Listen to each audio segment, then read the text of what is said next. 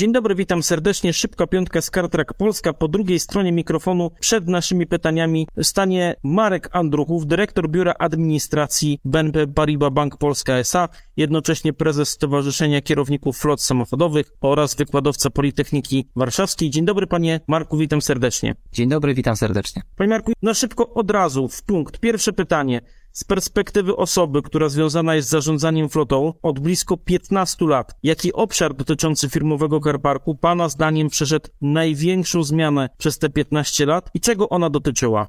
Jak tak właśnie zerknę na to moje doświadczenie i praktykę w zarządzaniu flotą samochodową i samymi samochodami, jasno klaruje mi się odpowiedź, że największa zmiana dotyczy postrzegania samochodu zarówno ze strony pracodawcy czy firmy, która wręcza pracownikowi ten samochód, jak i samego pracownika użytkującego samochód. Dlaczego? Kiedyś samochód był traktowany po prostu jako narzędzie pracy, jako rzecz, która ma służyć wykonywaniu konkretnych obowiązków, zadań, zrealizowaniu pewnego planu, który pracownik ma do zrealizowania w związku ze swoim stanowiskiem. Dla pracownika ten samochód nie zawsze był odpowiedni. Pracownicy jednak nie zawsze samochód traktowali w sposób, powiedziałbym, taki gospodarski, to znaczy, jeżeli coś otrzymywali od pracodawcy, ten samochód, zresztą było wiele żartów na ten temat, jaki samochód jest najszybszy, czy który przejedzie przez największą dziurę i nie bez powodu chodziło o to, że pojawiły się tego typu żarty, że to samochód służbowy. I patrząc na to moją perspektywę i doświadczenie tych kilkunastu lat w zarządzaniu flotą, widzę jak to bardzo się zmieniło, to znaczy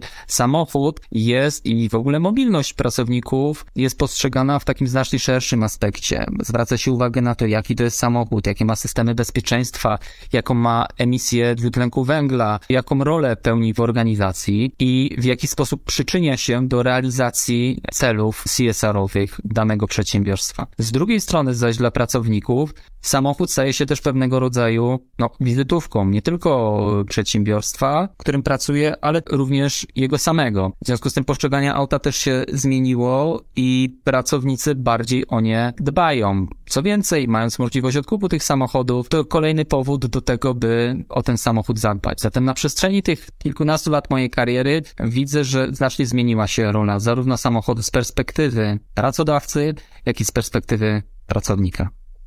Panie Marku, zarządza pan flotą ponad 1500 pojazdów, najwyżej mnie pan poprawi, no ale są to setki, setki pojazdów, ponad tysiąc. Który element pana pracy jest najważniejszy, aby zapewnić mobilność tak dużej rzeszy pracowników?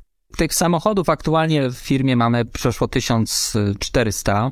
Faktycznie jest to wolumen, który sprawia, że spraw bieżącej działalności jest bardzo dużo. Natomiast uważam, że aspektem kluczowym jest dobór odpowiednich partnerów, którzy pomogą w zarządzaniu tą flotą. Z jednej strony mówimy tutaj o zespole, który jest kreowany w ramach przedsiębiorstwa czy w ramach naszej firmy. Z drugiej zaś partnerzy zewnętrzni, z którymi współpracujemy, czy to w kontekście najmu długoterminowego, czy to w kontekście usług carsharingowych, odpowiednie zbalansowanie i kolokwialnie mówiąc, spięcie tych usług powoduje, że w razie trudności czy jakichś awaryjnych sytuacji mamy kilka rozwiązań, które sprawiają, że ta mobilność jest e, zapewniona. Warto również pamiętać o takich procesach wewnętrznych, to znaczy przede wszystkim odpowiednia polityka samochodowa, odpowiednie procesy i procedury regulujące sposób zachowania czy sposób działania podczas trudnych sytuacji dla pracownika, no i po prostu odpowiednie informowanie pracowników o tym, w jaki sposób mają się zachować i gdzie szukać tej informacji. Zatem z jednej strony partnerzy, z którymi się współpracuje zarówno wewnętrznie, jak i zewnętrznie, a z drugiej odpowiednia komunikacja i takie zaplecze procesowe pozwalają spać spokojnie, nawet mając tak liczną flotę.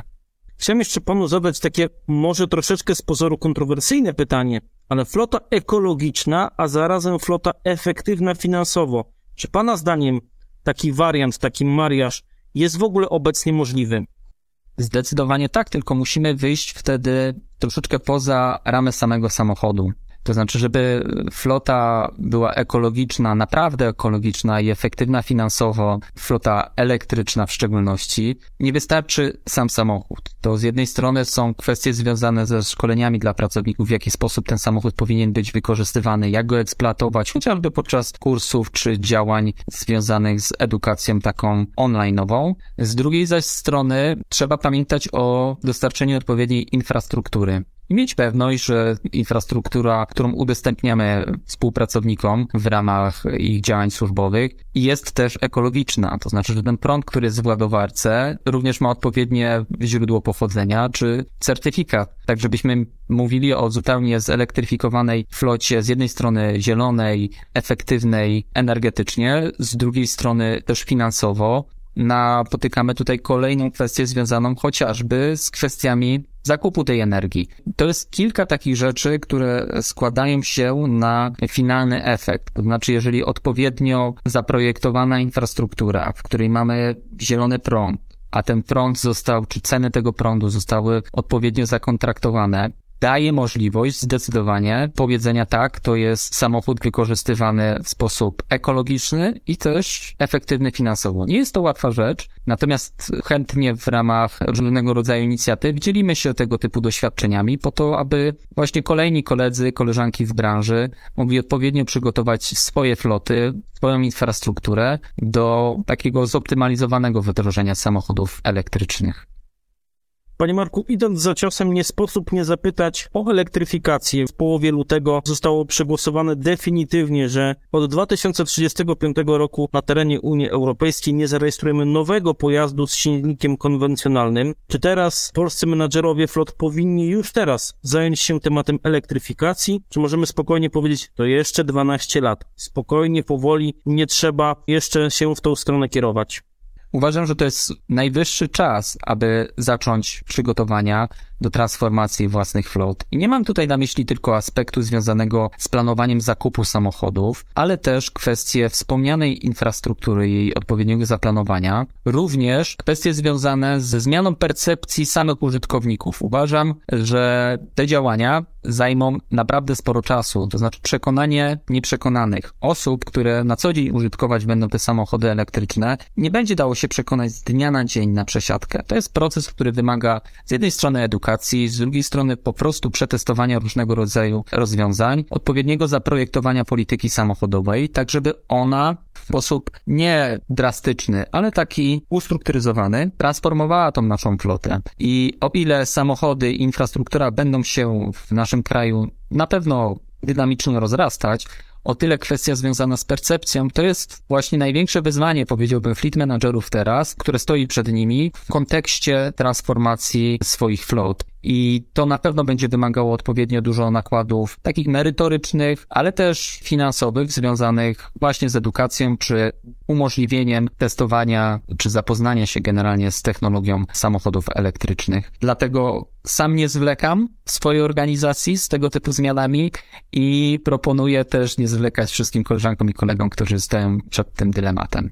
Panie Marku, i na koniec, może trochę wyświechtane pytanie, ale jest to pytanie bardzo uzasadnione, biorąc pod uwagę wielkość floty i Pana doświadczenie e, w branży flotowej. Jakie Pana zdaniem największe wyzwania czekają menadżerów flot w tym roku w Polsce? Wydaje mi się, że te kwestie związane z brakiem dostępności czy nieregularną dostępnością samochodów zostały opanowane na dwój sposób. Z jednej strony te łańcuchy dostaw trochę się poprawiły i wiemy, że samochody nowe zaczynają się produkować. Z drugiej jednak strony też mamy już większą jako fleet managerowie odpartość na wydłużone terminy produkcji. Zatem to już nie będzie wyzwanie. Wydaje mi się, że kwestie związane właśnie z edukowaniem i szeroko rozumianymi działaniami CSR w tym roku będą takim kluczowym aspektem do rozwoju, do dalszego planowania i spokojnego myślenia na temat przyszłości. Zatem działania i wyzwania tego roku ich efekty pewnie będą widziane w kolejnych. To, jak dużo wysiłku i zaangażowania włożymy w optymalizację naszych flot, mając tu na myśli w ogóle ich wykorzystanie, tak dużo w przyszłości zbierzemy wyników swoich prac. Zatem trudno mówić tutaj o konkretnej jednej rzeczy, bardziej bym mówił o takim podejściu uwzględniającym zrównoważoną mobilność, zrównoważony transport, inicjatywy, które może nie tu i teraz dadzą konkretny, wymierny efekt, ale w perspektywie właśnie najbliższych kilku lat zaczną procentować czy to zmniejszonymi kosztami paliwa, czy to zmniejszoną emisją dwutlenku węgla. Zatem myślałbym bardziej w perspektywie szerszej i długoterminowej, chociaż działania trzeba podejmować tu i teraz. Panie Marku, serdecznie dziękuję za poświęcony czas i za bardzo wnikliwe odpowiedzi i uwagi na temat branży flotowej. Jeszcze raz serdecznie dziękuję. Było mi bardzo miło, dziękuję uprzejmie.